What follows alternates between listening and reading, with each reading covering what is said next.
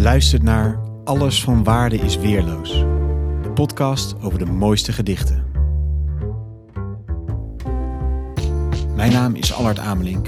In elke aflevering vraag ik een luisteraar naar zijn of haar favoriete gedicht. Zo bouwen we samen een kanon van de mooiste poëzie. In deze aflevering hoor de keuze van... Stevo Akkerman. Dag Stevo, wat leuk dat je meedoet aan deze podcast. Jij bent uh, columnist en schrijver van uh, enkele boeken ook. Heb je zelf ook poëzie wel eens overwogen? Ja, sterker nog, daar is het bijna begonnen zou ik zeggen.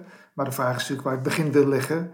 Het begon eigenlijk met stukjes schrijven in de schoolkrant en dergelijke. Maar ik heb in mijn puberteit, zoals een uh, romantische jonge beaamd, veel poëzie geschreven.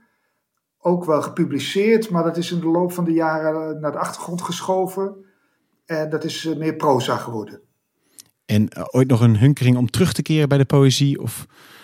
Ja, ik zeg altijd dat ik daarvoor de rust uh, mis. Maar ik denk dat dat misschien niet echt waar is. Want die rust is er soms wel.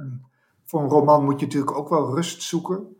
Uh, af en toe komt het van pas. Af en toe bij gelegenheden maak ik nog wel eens een gedicht. En ja, er heerst ergens wel, er leeft ergens wel een verlangen om dat niet definitief uh, te vergeten. Mooi. Nou, ik ben benieuwd. We, wachten het vol spanning af. Heb je iets van eigen hand gekozen ook nu? Of? Nee, dat zou uh, arrogant zijn, toch? Precies, je zou de eerste zijn. Wat heb je gekozen, Stevo? Ik heb een gedicht gekozen van Joke van Leeuwen. En het heet Zijze. En waarom dat gedicht? Nou, het, uh, in die zin gaat het wel een beetje mijn kant op. Het is een motto, een van de twee motto's van een boek van mij, Donderdagmiddag Dochter. Uh, dus het is wel een gedicht wat voor mij een speciale betekenis heeft. En, en waarom heb je toen ook gekozen als motto? Wat, wat is die speciale betekenis? Het is een lang verhaal, denk ik, als ik dat echt probeer uit te leggen. Maar Donderdagmiddagdochter gaat over de dood van een kind. Het gaat ook over de liefde en de broosheid daarvan.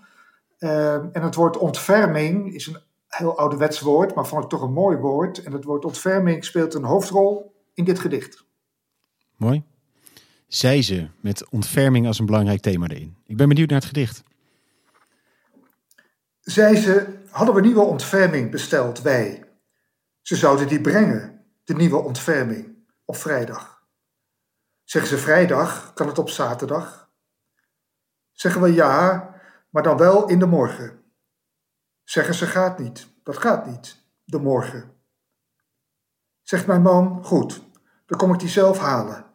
Zaterdag dan, in de morgen. Dat kan? Ja, dat kan, zeggen ze. Komt hij daar, zaterdag? Nergens ontferming. Zegt hij, hoezo niet? Die zou er toch wezen? Nee, nee, die is er niet. Komt u maar vrijdag. Zegt hij, wat vrijdag? Ik moet die meteen. Zeggen ze gaat niet, die is nog niet binnen. Zegt hij, u zei toch dat hij er nu was, zeiden ze: Moeten we zeggen van niet dan? Wilt u dat horen? Van zeggen van niet? Dankjewel, Stevo. Graag gedaan.